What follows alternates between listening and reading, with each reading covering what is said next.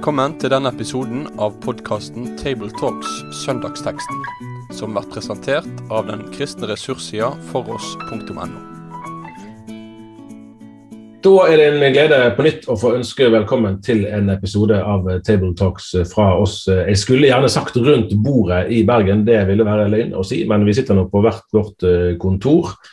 Bildøy bibelskole, rektor Gunnar Ferstad. Rolf Kjøde er på plass på NLA høgskole, der han er førstelektor. Og meg, Tarjei Gilje, som er redaktør i Dagen. Er hjemme på kjøkkenet for anledningen.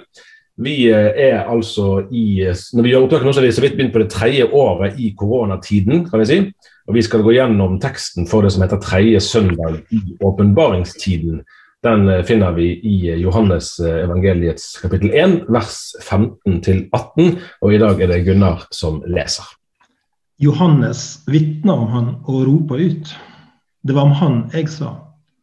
Han som kommer etter meg, er kommet før meg. For han var til før meg. Av hans overflod har vi alle fått, nåde over nåde. For lova ble gjeven ved Moses, nåden og sanninga kom ved Jesus Kristus. Ingen har noen gang sett Gud, men den enbårne som er Gud, og som er i fanget til Far, han har synt oss hvem han er. Teksten vår er ved slutten, eller på slutten av det som gjerne blir kalt for Johannes-prologen, innledningen til det fjerde evangeliet. Og vi ser helt fra begynnelsen døperen Johannes, som jo ble eh, si, mistenkt for, eh, for å være den helt store sjøl, eh, flytter oppmerksomheten bort fra seg og over på Jesus, som altså var både før ham og etter ham. Og Her er det jo nyttig å ha med seg ut fra sammenhengen at, at vi må forstå Jesu gjerning på jorden med utgangspunkt i en gammeltestamentlig ramme. og Det kommer jo òg frem i lesetekstene for denne dagen, Rolf. Ja, er jo, vi er jo i en veldig sånn uh, Av og til litt oversett tid av kirkeåret. For nå har vi liksom lagt jula bak oss, og vi puster ut, og, noen blir helt bevisstløse på at det finnes noe som heter kirkeår. I jula vet alle det, ellers vet mange det ikke i den lavkirkelige leiren. Men, men, uh, men, denne her tida som vi er i nå, og som uh, omfatter nesten alt i hele januar, det er jo det som vi kaller for åpenbaringstida. Det er veldig, veldig sterkt tid, etter min mening, da, i kirkeåret, fordi at den har et så utrolig skarpt fokus på Jesus. Hvem er Jesus? Og det er en åpenbaringstid av Jesu navn, av Jesu person, eh, og, og ja, virkelig av den han er. Og denne søndagen sine tekster er jo ikke noe svakere i så henseende. Eh, og vi skal jo nå bore litt inn i det som vi har, eh, det som vi har hørt lest her. og og allerede så har vi fått med oss ting som nesten kan ta pusten av oss. Hvem er han egentlig, denne mannen? Eh, og eh, ja, det står også i en eh, langt større kontekst. Det er veldig utfordrende, egentlig, da, fordi at det Johannes-evangelisk snakker om her, det er jo en preeksistent Kristus, ikke sant? Det er en, det er en Jesus som, som er av evighet. Det er en Jesus som har en identitet som, som er ett med far. Og det, det, det, det, er, det, er, ganske sånn overveldende. Og så tar en i tillegg og bruker som lesetekst for denne søndagen, så tar en kanskje den mest sånn pregnante gudsåpenbaringsteksten i Det gamle testamentet, der, der Gud, Moses står foran Gud med denne brennende busken, og så, og så sier han 'Hvem skal jeg si har sendt meg?' Og så kan du si 'Jeg er den jeg er'. Eh, altså, og, og, er det som har sendt deg? Det skal du si til folket. Jeg er, har sendt meg til deg. Og Da er vi inne i åpenbaringa liksom, av gudsnavnet og av, av, hvem Gud er, og som skilles ut fra alle andre såkalte guder. For det er jo ingen andre guder, det er bare den ene. Og Her er det altså Jesus blir plassert inn um, i, i, i rammen av åpenbaring av denne Gud.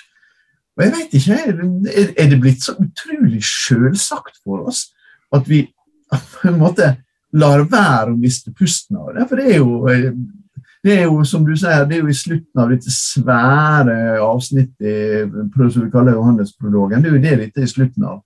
Og det fins nesten ikke noe mer, noe voldsommere perspektiv. Eh, I stallen, sant, Lukas 2 Eh, familien på flukt, Matteusevangeliet. eh, julefortellinger. Men hva er Johannes' julefortelling Jo, Det er jo ørna som sviver høyt oppe, og som ser det i det store perspektivet. Og dette er avslutninga på den prologen. Så det er kanskje litt svulstig ord, dette her som jeg bruker, men det er jo enormt. Eh, for det er jo, Denne teksten her skal jo ikke bare føre til forklaring, men den skal føre til tilbeding. Og Det er kjempeviktig for den som er predikant på denne søndagen, å tenke at mitt liv jeg må, jeg må, jeg må forberede meg i tilbeding, og jeg vil så gjerne lede mennesker inn i tilbeding av den sanne, eh, sanne Herre Jesus Kristus. Og er det sånn at, det, ja, det er sånn at dette uttrykket her, 'jeg er', det kommer jo igjen i, i Johannes evangeliet. Så, så det, det, det, er jo en uh, veldig, veldig, bra presisering, Rolf, at det, en drar inn denne teksten her. For 'jeg er'-uttrykka det kommer jo på rekke og rad mm. i, i Johannes evangeliet, som igjen da bare setter flere strek under hvem, hvem er Jesus. da. Så det er en, um, det er en, en, en svær, svær, tekst vi, vi beveger oss inn i Stil om det. Vi snakker jo ofte med, med kanskje med en viss, eh, eller ulike nivåer av bekymring om både avkristning og sekularisering og utviklingstrekk som peker i feil retning. Så lurer jeg på noen ganger om, hvis det går an å snakke om positive virkninger da, av de utviklingstrekkene, at uh, det kan bli nødvendig å gjøre litt det som jeg oppfatter du implisitt sier, Rolf, at vi fra kristent hold kanskje litt, har tatt litt for lett på dette fantastiske storslagene. at det er blitt en sånn, litt sånn uuttalt forutsetning.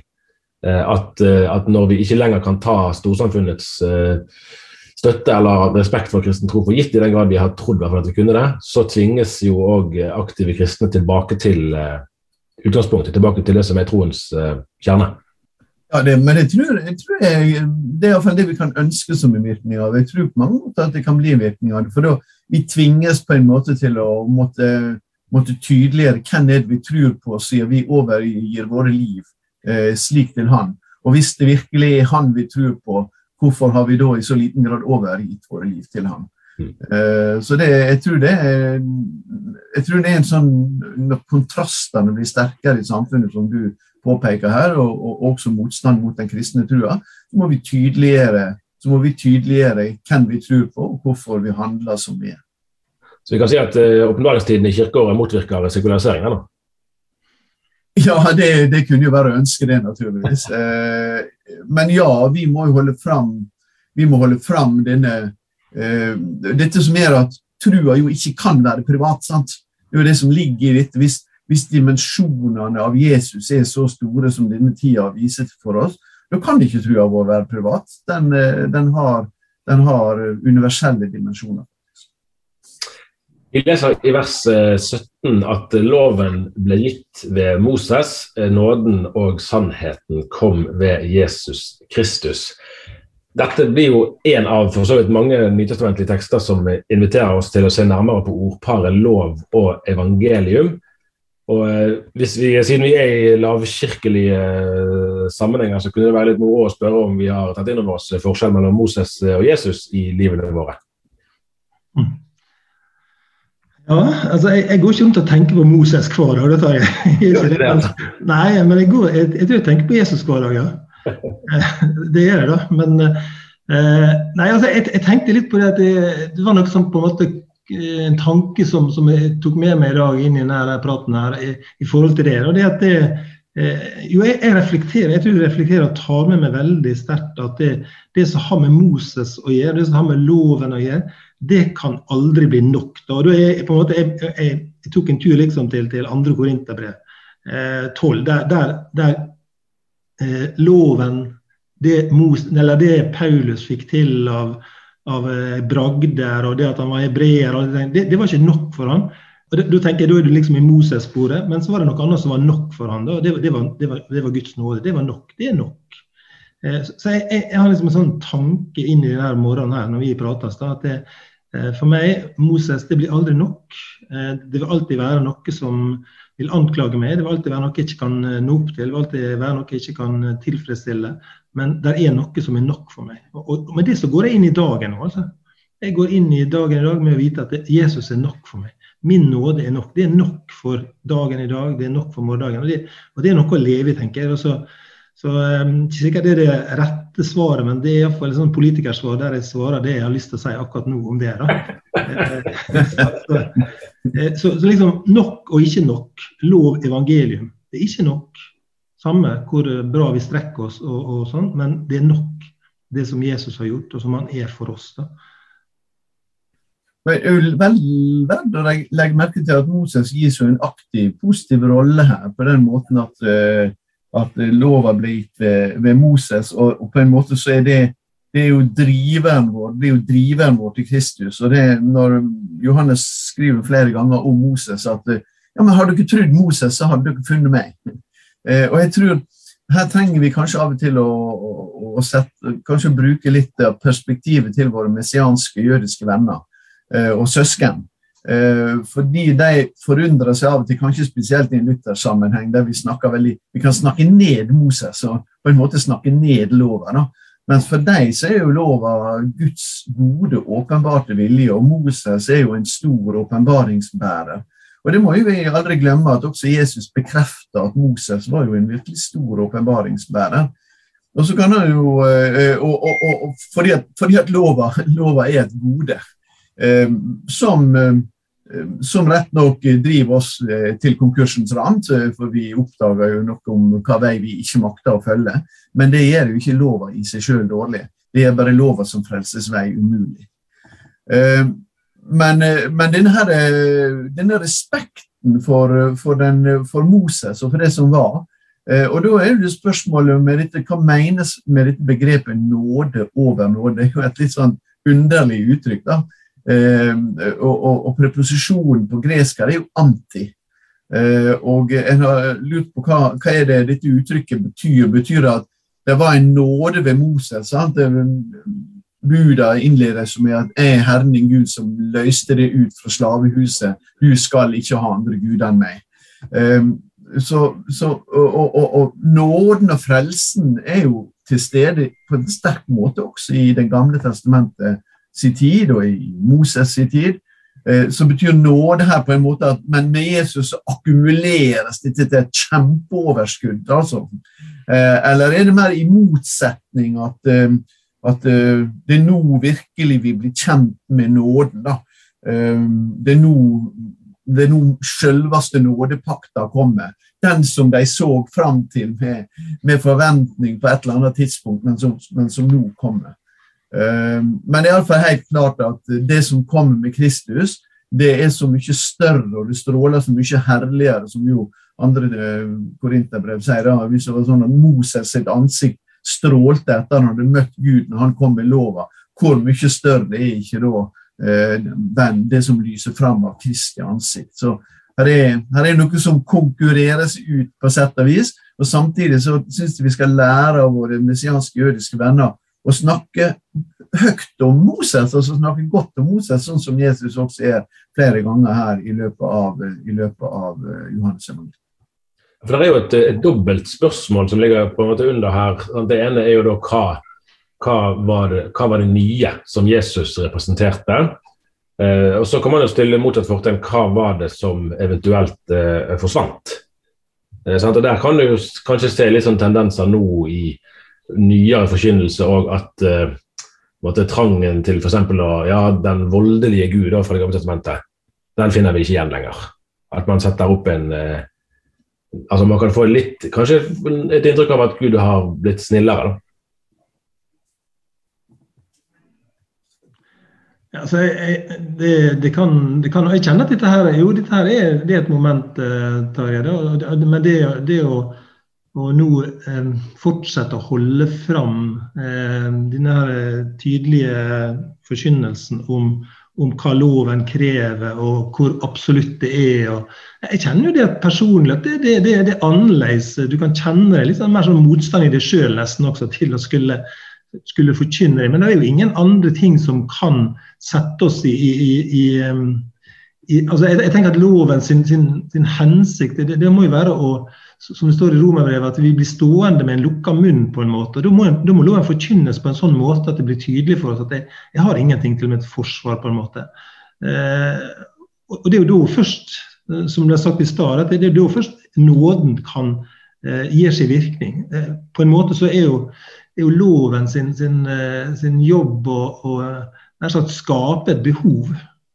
Eh, så det er en sånn markedsføringstrekk, nesten. det også, altså, Du får et behov for, for nåde. for Uten lova så var jo ikke det, det behovet der. Eh, så, så, det, så, det, å fortsette å forkynne et tydelig lovbudskap, det må, det må skje. Hvis det ikke så blir nåden billig. og og, og, det blir nåde som ikke, ikke vi eh, roper etter eller, eller, ser behov for, på en måte. Så, så, eh, men men det er, er, ting i tida som, som kan utfordre dette. her, Men eh, jeg tror at Guds ord er tidløst også på, på dette området. her, at det, Vi må løfte det fram. Men, men, det er jo tydelig ut fra det som sies her, at det, det er jo noe foreløpig, sterkt foreløpig over det vi får møte av Gud i den gamle pakts tid. Og Det sier jo for så vidt Jesaja 45 også, at du er en Gud som skjuler seg. Eh, og, og, og, her får vi det i teksten hvor at ingen har noen gang sett Gud. Eh, bortsett fra Han som nå har kommet, og som har vist oss hvem Gud er.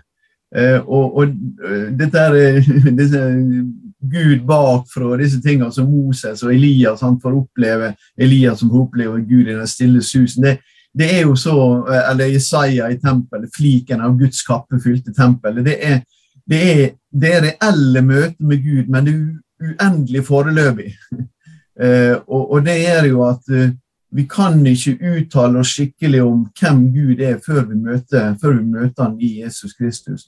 Og Det kaster jo et lys tilbake også på Det gamle testamentet. Og jeg tenker at I lys av dette her med hva gudsbildet har, vi er veldig ofte snakk om det, så tenker jeg at vi skal ha det gudsbildet som åpenbarer seg i Jesus Kristus.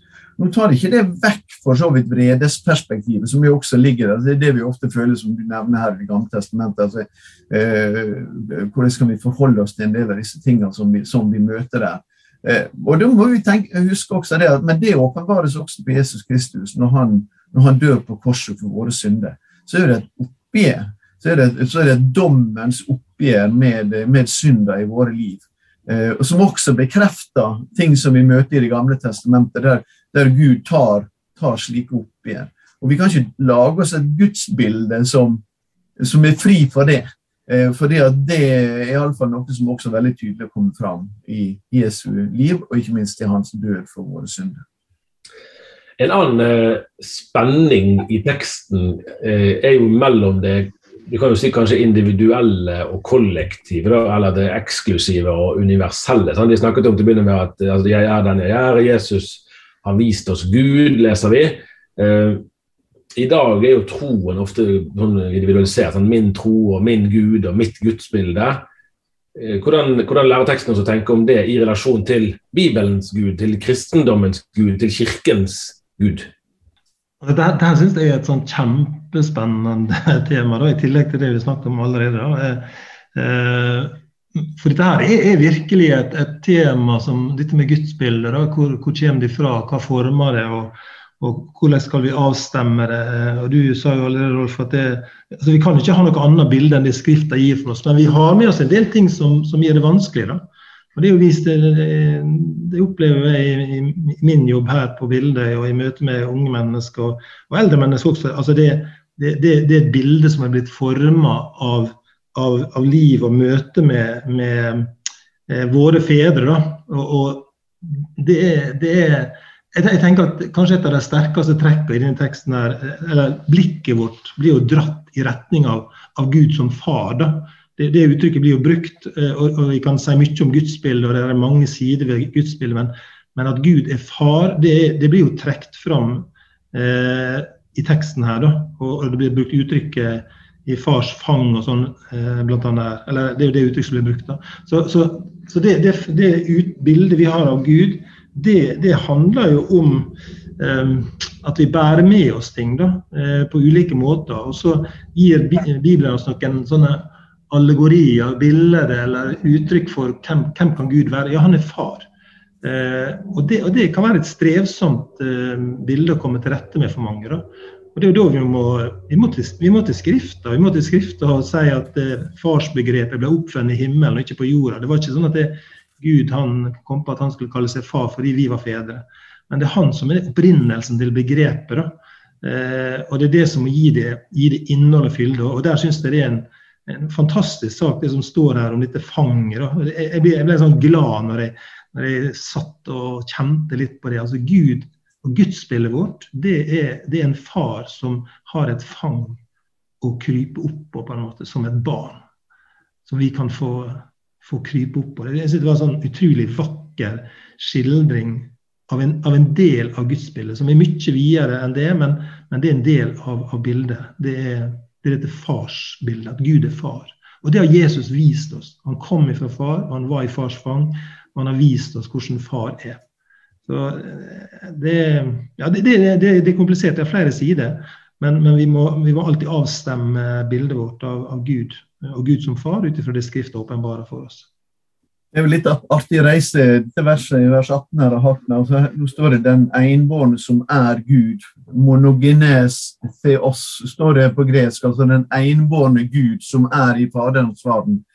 Eh, mens tidligere bibeloversettelser mm, som vi vokste opp med, Gunnar er, så sto det 'den enbårne sønn' som er i Faderens favn. Eh, men det er ingen tvil, ut fra det vi nå vet om tekstvitner, at de virkelig eldste og beste tekstvitner de snakker om den enbårne Gud som er i Faderens favn. Bare tygg litt på det uttrykket. Det er ganske sterke saker. og det er og det, Da kommer vi inn på den eksklusiviteten som du nevner her, Tarjei. Og det kommer også fram sant? Det er ikke bare nåden han kommer, ikke bare nåde over nåde, men han kommer med nåde og sannhet. Og det sliter vi veldig ofte med å holde sammen. da. Eh, men her holdes det veldig tett sammen i, i den åpenbaring som Jesus gir oss av Gud nåden og sannheten. Og Det er jo den, disse tingene her som, eh, disse sterke åpenbaringene av Jesus som gjør at en har definert åpenbaringstida i kirkeåret i Den norske kirke og i misjonsorganisasjonene til å være sånn spesiell fokustid på det som har med verdensmisjon å gjøre. Um, og det springer nettopp ut av denne overbevisningen om at han som er frelser min, som vi kanskje har sunget i, i jula når han er frelser min, han er ikke bare frelseren min, men alle verdens, han er alle folks frelser. Han er frelser for jøder, han er frelser for hedninger. Og Det er ingen andre, for det er han sannheten er i. Um, og Det kan jo være en utfordring også midt inn i Den norske kirke, um, som, um, som, har en form for pluralisme i seg, og som også får det i forhold til ja, Vi hører av og til stemmer i kirka som er også pluralistisk i forhold til annen religion. Men her gis det ikke mye mulighet til det, så jeg håper at masse prester og masse misjonsorganisasjoner rundt omkring i Den norske kirke i åpenbaringstida i år er frimodige på å forkynne fram misjon eh, ut ifra den åpenbaringa av Jesus. Nettopp. Vi nærmer oss eh, slutten. Jeg tror jeg bare kan ta med et litt sånn artig eh, på en måte kan du si et sidepoeng. og det er jo det at Om vi nå er fagteologer eller bibellesende mennesker uten eh, studiepoeng i kristendomskunnskap, så har vi jo sannsynligvis hørt ordet eksegese brukt om eh, tekstutleggelse. Og da er det jo litt, et litt eh, snedig poeng at det ordet faktisk vel kan sies å ha, altså den bruken vi har, det ordet har en forbindelse til dagens tekst. Ja, ja det har jo det. Det er jo de siste, de siste setninger, da. Der det står han har synt oss eller vist oss hvem han er. Han, har eksegert Gud for å stå der. Uh, det, så Jesus har eksigert Gud. Han har, utlagt, han, har, han har utlagt Gud for oss. Så det er en ganske fin bruk av ordet. Det. det er ganske fin bruk av ordet. Det var det vi rakk i denne omgang. Da eh, ønsker vi Guds signing over alle som skal forkynne Guds ord denne søndagen. Og vi høres igjen. Takk for nå. Med det sier vi takk for følget for denne gang. Finn flere ressurser, og vær gjerne med å støtte oss på foross.no.